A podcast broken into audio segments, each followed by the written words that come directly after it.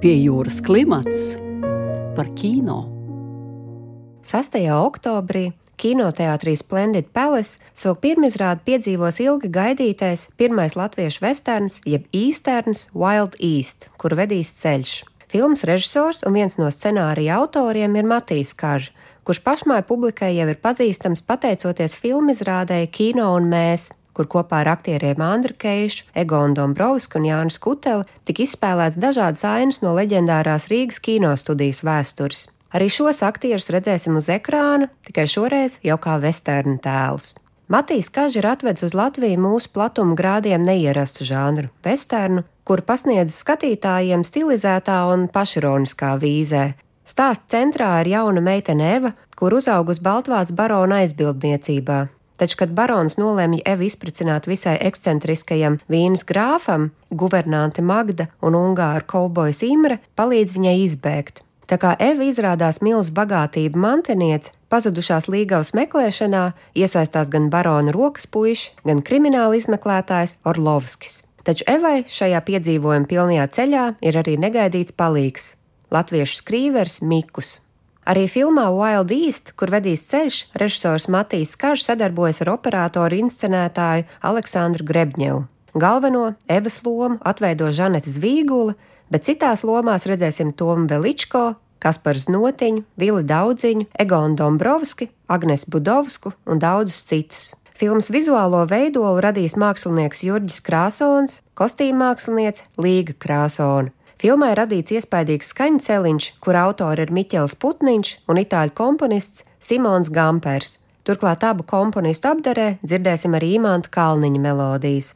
Lai pastāstītu par to, kā dzimta pirmais latviešu westerns, jeb īsterns, studijā viesojas režisors Matīs Kaža, filmas mākslinieks Jurģis Krāsons un izmeklētāja Orlovska lomas atveidotājs Vils Daudziņš. Sveiki! Sveiki!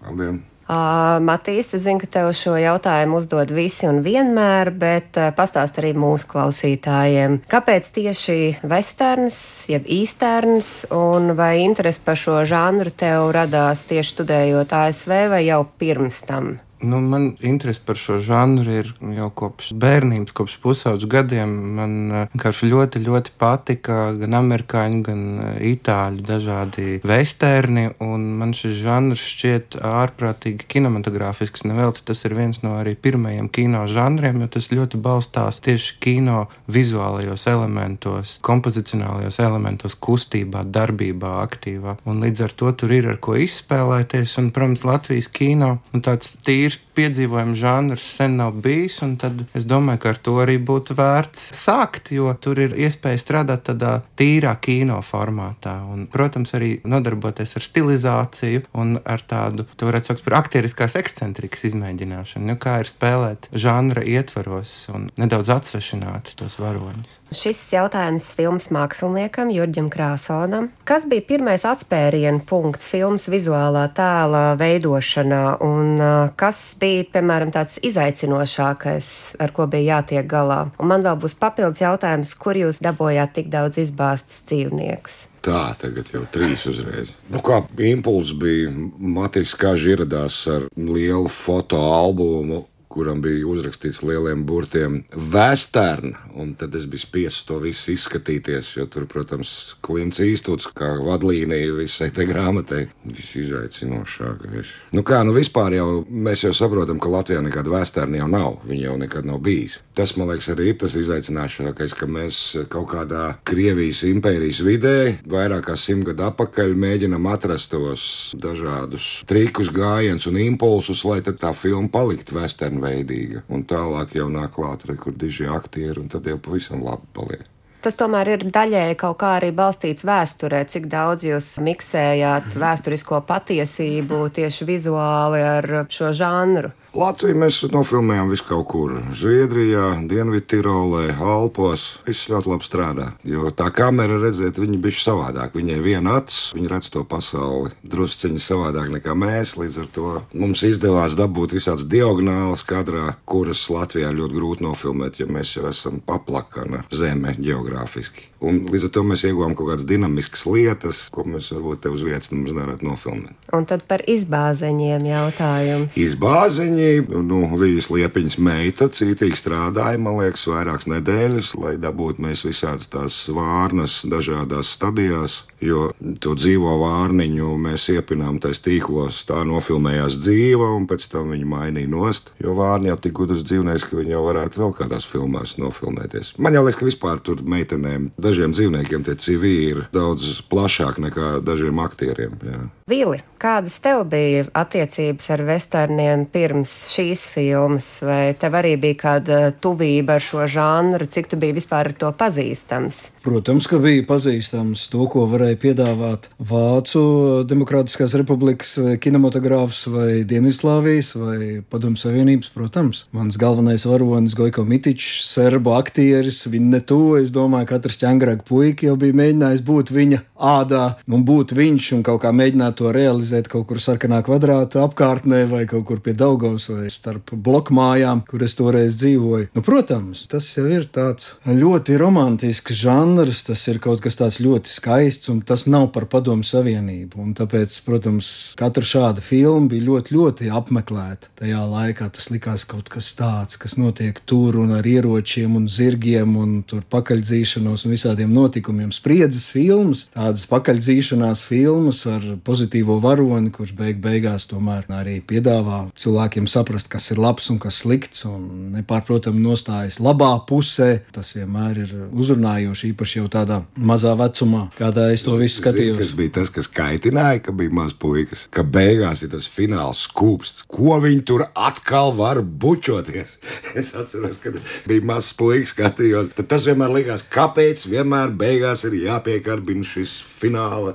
Bet man liekas, ka Vinnetu bija diezgan piesardzīgs attiecībās ar sievietēm. Viņam tur bija tomēr kaut kāda. Nē, nu es atceros, ka Zoro bija Nu, atceries, Zoro un bija, tās jā, lietas. skaidrs, jā. Nu, skaidrs, šis žanrs tādā ziņā man ir ļoti tuvs un mīļš. Un tad, kad Matīs to piedāvāja, es biju pārsteigts un patīkami pārsteigts. Protams, ar prieku piekritu. Tevis atveidotais izmeklētājs ir teiksim, tā, tāds um, ļoti kolorīts tēls. Un, uh, Kā tas tāpat sadarbībā ar režisoru, cik daudz nāca no tevis, cik no Matīsa? Tas, kas man interesē, kas ir šī dzēja, ko citē Orlovskis. Mm, Aleksandrs Puškins. Tā man arī likās. Paldies. Jā, jā, jā. Tad man bija jāpārbauda. Mm -hmm, tad jūs vēl neesat no Padomu Savienības. Nē, nu, jā.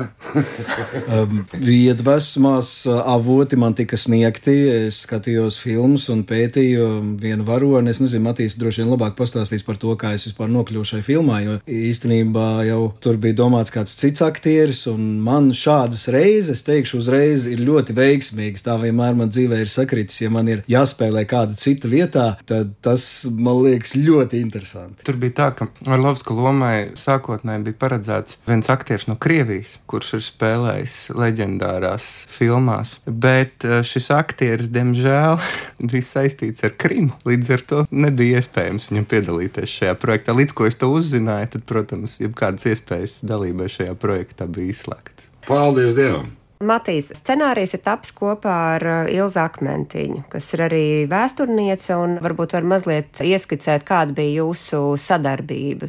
Es ilgi uzrunāju ar ideju taisīt Latvijas vesternu vai latviešu vesternu, respektīvi pārnest šo žanru Krievijas impērijas kontekstā. Viņa patiesībā bija tā, kas piedāvāja man to sākotnējo sižetisko rāmi, piedāvāja varoņus, iespējamās sižeta līnijas, un tad mans uzdevums bija to visu padarīt kinematogrāfisku, respektīvi no tāda literāra scenārija veidojuma to pārveidot tomēr par tādu vizuālo scenāriju, par kino scenāriju. Pie jūras klimats par kino. Kā jau minēja Jurģi, filmēšana notika ne tikai Latvijā. Un kā jūs meklējāt šīs visvesternīgākās vietas, lokācijas, skatus? Pamatā jau westerns balstās nenormāli gigantiski liela daba, un tad ir šis stāsts iekšā. Tie cilvēki, kas šajos skarbajos apstākļos, vienkārši izspēlē to savu dzīves situāciju. No tā jau arī tas nāk. Tie paši indiāņi, tad ir iebrucēji kauboji un kā tās divas sociālās vidas. Nu, īstenībā jau laikam tā arī nesatiekās. Nu, mēs arī tad līdzīgi meklējām vietas, kurām mēs maksimāli varam dabūt to dabas varenību Tad mums bija šī mūža, kā tāda viena no pamatvietām. Un tajā brīdī, kā mēs no šīs mūžas esam prom, mēs jau esam tīri dabā. Līdz ar to, lai tas būtu westernīgi un mēs neejam iekšā tādās aizaugušās vai piemēslotās, mums ir jāmeklē kaut kas tāds skaists. Sevišķi, kad nu, es no režisora sapratu, ka mēs jau nu vairāk tikai jauniešiem mēģinam to filmu taisīt. Līdz ar to varbūt pārāk viņiem uzbrukt ar psiholoģiskiem kaut kādiem gājieniem nevajag. Mums labi sanāca, arī līdz mums jau ledājs ir atnest šo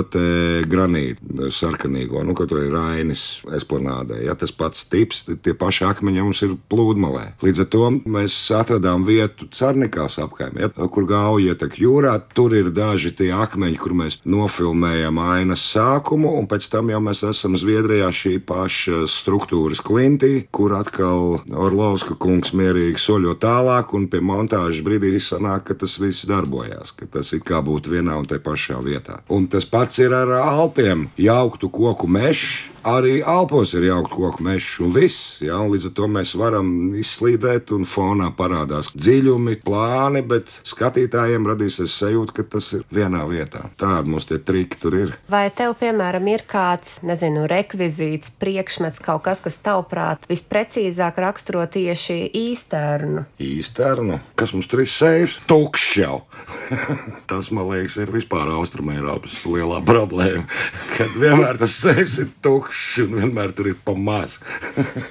Jautājums Vilim. Žanra kino, kā jau arī Matīs minēja, bieži vien daudz brīvāk spēlēs ar tā saucamo teatralitāti. Vai tev kā aktierim šādā žanra ietvarā bija strādāt vieglāk vai grūtāk? Kas bija, piemēram, citādāk kā reāli psiholoģiskākos projektos? Redz, man jau vispār vairāk patīk teātris nekā kino. Tas ir bezgalīgi mīlu kino, bet uh, es organiskāk jūtos uz skatuves. Līdz ar to šāda groteska, kāda piemīt arī manam varonim, man bija pavisam organiska. Tas likās, jā, kāpēc ne?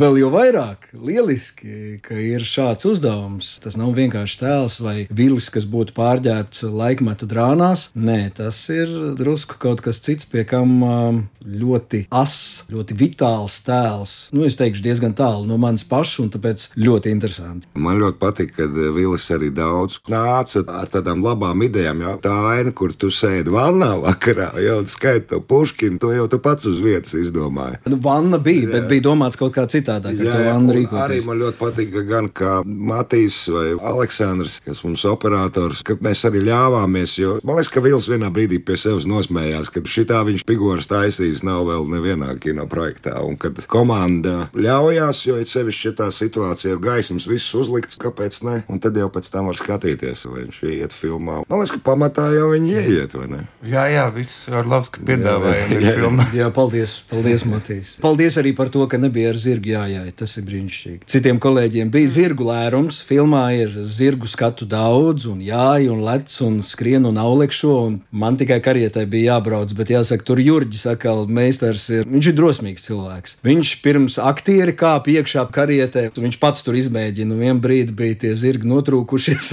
tad bija klasisks skats, tas ir divu jūks, ir divi zirgi iejūgti priekšā. Viens zirgs pa vienu pusi priedē, otrs pa otru pusi, un Jurģis ar visu to karieti pa vidu priedē un dzīves. Tajā brīdī uz laukuma bija klusums, rācijās un visur citur. Vienkārši klusums. Tā gadās, jā. Bet pēc tam salaboja tie meistari. Tāpēc arī vienmēr vajag pārbaudīt. Jo nedod Dievs kaut kas tāds notikt, teiksim, filmēšanas brīdī. Jūs jau sākāt runāt par manu nākamo jautājumu, kas jums katram spilgtāk atmiņa no filmēšanas. Un varbūt ir vēl kaut kas, kas ir ļoti palicis atmiņā. Mēs uzspridzinājām to būdu, kur ir Jurģa brīnišķīgi uzmeistarot. Mēs to saucam par Hernhūtiešu namiņu, tāpēc, ka tam varonim backstories, kurš neparādās filmā, ir saistīts nedaudz ar to kustību. Bet tas filmā neparādās. Mēs nofilmējām sprādzienu, kur filmā nav. Bet tas bija ļoti interesanti, kā to visu gatavoja. Jo tas notika Masalacā pie skaņā kalna. Tas ir aizsargājums objekts. Tā kā tur bija precīzi jāizkalkulē, kur tie dēļi lidos un kritīs, jo tur bija ļoti precīzi iezīmēta teritorija, kur vispār kaut kas drīkstēja nonākt no tām konstrukcijām. Es biju patīkami pārsteigts te Dienvidtirolē filmas sākumam, ka mums izdevās atrast vietu ar fantastiskiem sienu gobelēniem. Jo tomēr tās bija impērijas, un uh, filmas budžets ir tik, cik viņš ir. Mums nav impērijas budžeta. Protams, visas sienas ar tādiem lieliem medību ainas. Īstenībā tā bija kaut kāda semināra zāle, te pilī. Un tad mēs vienkārši visu to moderno izvācām ārā. Viņš ļoti labi palīdzēja gan itāļi, gan austrieši, vācieši, jo Tirolē pašai nav nekādas kino industrijas. Līdz ar to viņi dabū vākt produkcijas no Romas, gaisma bija austriešu, operatoru asistenti, itāļi. Tad es biju priecīgs, ka mums ir tas filmas sākums, jo tas tā kā pirms koncerta, kā tu uzskaņo instrumentu, tā tev arī spēlēs. Man liekas, tas sākums ir, un tad mēs no tās Austro-Ungārijas pārējām uz to Krievijas impēriju. Jo, ja tu iedevis to sajūtu, man liekas, galvās, tad jau diezgan daudz ko skatītājs piedomā klāt. Pie jūras klimats par kino. Varbūt Matīs var mazliet pastāstīt par filmas mūziku, kas ir ļoti iespaidīga. Un, kā jau arī pats intervijās teica, tāds mākslas darbs pats par sevi. Filmas mūzika sastāv faktiski no trīs autoru darbiem. Pirmkārt, mums brīnišķīgais komponists Imants Kalniņš deva atļauju aranžēt trīs savus darbus un padarīt tos par vesterna skaņdarbiem. Un šo tēmu aranžiju veica abi pārējie komponisti, kur ir arī oriģināla darba autori šai filmai. Tātad Miķels Miķels Putniņš no Latvijas un Simons Gampers no Itālijas. Simonam uzdevums bija veidot vairāk šo te dramatisko orķestra partitūru, savukārt Miķelim un grupai Ezeri uzdevums bija blice, respektīvi elektriskās ģitāras un viss tas pārējais skanējums, kas uzdod tādu ļoti spēcīgu ritmu tai filmai. Un faktiski tā mūzika ir ļoti ekspresīva, kā jau šim žanram ir raksturīgs, bet es uzskatu, ka tā arī vajag, jo Latvijas kino mēs neesam īsti pieredzējuši redzējuši tādu muzikālo partitūru, kas ļoti, ļoti ekspresīvi dzīvo tajās ainās un kas varbūt pat komentē bišķiņu to, kas tur notiek ar tādu ironiju ik pa laikam.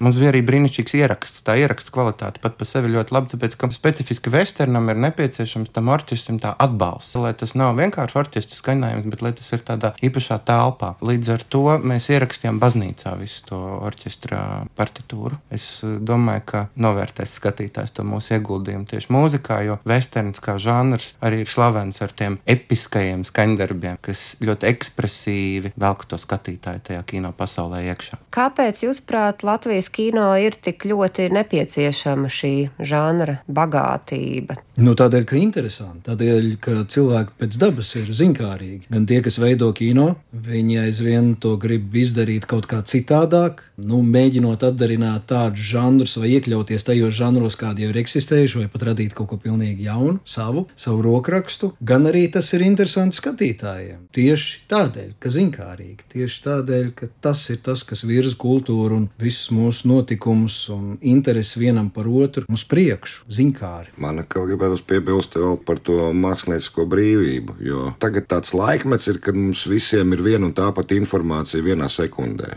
Kaut kādā veidā mēs ejam vienā virzienā, un māksla var iet kaut kādos pilnīgi citos virzienos, jo viņi ir dažādi dažādāki, jo arī mēs saprotam, ka pasaule var būt ļoti dažāda. Man liekas, pēdējie 11 gadi mēs tā visi kaut kā vienā virzienā ejam. Jo māksla ir ļoti palikusi, man liekas, arī angažēta un kaut kā 30% var tāda politiska pieskaņa, kas man liekas pat nav mākslas uzdevums. Tāpēc man vienmēr patīk visi tie, kuri taisa kaut ko pilnīgi citu, meklē radošu, vai tas būtu Paškēvičs, tāpat savulaik Lailai Pakalniņai bija interesanti atgājieni nost no saucamajiem mainstreamiem. Man liekas, ka arī Kažam ar šo. Mēs kā atveram vaļā to, ka jūs drīkstat būt dažādi, savdabīgi un interesanti. Nevis tāpēc, ka redzi gauņiem. Tā ir tā atšķirība. Latvijā, man liekas, ir kaut kāds konkrēts priekšstats par to, kas ir vēsturiskais kino un kā tam ir jāizskatās, un kā tajā ir jābūt kādai aktieru spēlē, un kā vispār uzvedās kaut kādos konkrētos laikmetos. Un tad šī filma ir tāds huligānisks atgādinājums, ka var vispār arī citādāk traktēt vēsturi, un ka tāpēc, ka filma nenorisinās mūsdienās, to nav obligāti jāsauc par vēsturisku filmu. Mēs varam taisīt arī pasakas, kuras norisinās citos laikmetos, tos stilizēt un vispār tādā ziņā brīvi rīkoties, jo pat visvēsturiskākās filmas, man liekas, ka ir ir diezgan tālu no tā, kā patiesībā tur bija. Tie visi ir mūsu priekšstati par to, kā cilvēki kaut kad sen atpakaļ, kad mēs nebijām dzimuši, uzvedās, rīkojās. Un patiesībā jau tikai tādas mūsu liecību interpretācijas vien ir. Ir skaidrs, ka kinoteātros skatītāju skaits ir samazinājies, bet kāpēc jūsuprāt ir tik svarīgi neaizmirst šo kino iešanas pieredzi un kāpēc Wild East, kur vedīs ceļš, ir jāredz uz lielā ekrāna? Kino ir liels, tas ir monumentāls. Un no mūsu bildes viedokļa, visas tas dabas krāšņums, vai atkal mums arī ir pāris tie saucamie klinti īstūda tuvplāni ar tām acīm. Tas ir jāredz uz liela ekrāna. Ja jūs viņu skatāties mobilā telefonā, jums tur nav nekāda efekta. Es šeit pats kādu multfilmu uztāju, arī montēti uz liela ekrāna. Tas ir kaut kas cits. Cita informācija, acis tver kaut ko pilnīgi citu, ja jūs skatāties uz liela ekrāna. Mazā ekrānā tieši tā, jūs redzat informāciju. Lielā ekrānā jau tur kaut kas paliek mākslā līdzīgs. Pilnīgi piekrītu. Cits baudījums. Nu, pat noskatījos filmu Bedra, kas ir brīnišķīga filma. Diemžēl, jā, tev taisnība. Kopā ar mani to skatījās pavisam nedaudz cilvēku. Žēl, jo filma tiešām laba. Un es domāju, ja es to skatītos mājās, datorā vai uz pat liela ekrāna, nu nē, tas emocionālais trieciens man nebūtu tāds. Ir kaut kas, ko var saņemt tikai apsēžoties tajā lielajā zālē, nodziestot gaismām varoties tajā lielajā ekrānā lielo skaņu, lielo bildi baudīt. Jā, es pilnīgi piekrītu visam iepriekš teiktajam. Un vēl, protams, ka tas ir kaut kāds process, kurā mēs to savu ikdienas dzīvi atstājam malā, vai ne? Nav ieslēgts tas telefons, kurā mēs ik pa laikam skatoties Netflix, ieskatāmies. Jo skatoties kino mājās, mēs to skatāmies paralēli vēl visdrīzāk uztaisot kafiju, apēdot sviestmaizi, ieliekot kaut ko Instagram storijā un vēl darot dažādas citas darbības. Bet kino tam vajadzētu būt tādam procesam, kurā satiecies tu ar to mākslas darbu, un tur nav viss tā pārējā. Protams, ir tie cilvēki, cerams, ja ir pilna zāle, kurus to dažādi reaģē, un tas piedod vēl pievienoto vērtību. Bet uh, tā ir tāda satikšanās ar mākslas darbu bez citiem informatīviem laukiem. Bez reklāmas pauze. Man vēl viena kaitina. Es nezinu, tad, kad tu esi tā labi ieskatījies un gribi izjust tajā brīdī, tev piedāvā kaut kādu. Domēstas. Jā, kaut kādu atlaidi. Lielas paldies jums par sarunu! Paldies, ka klausījāties un tiekamies kinoteātros!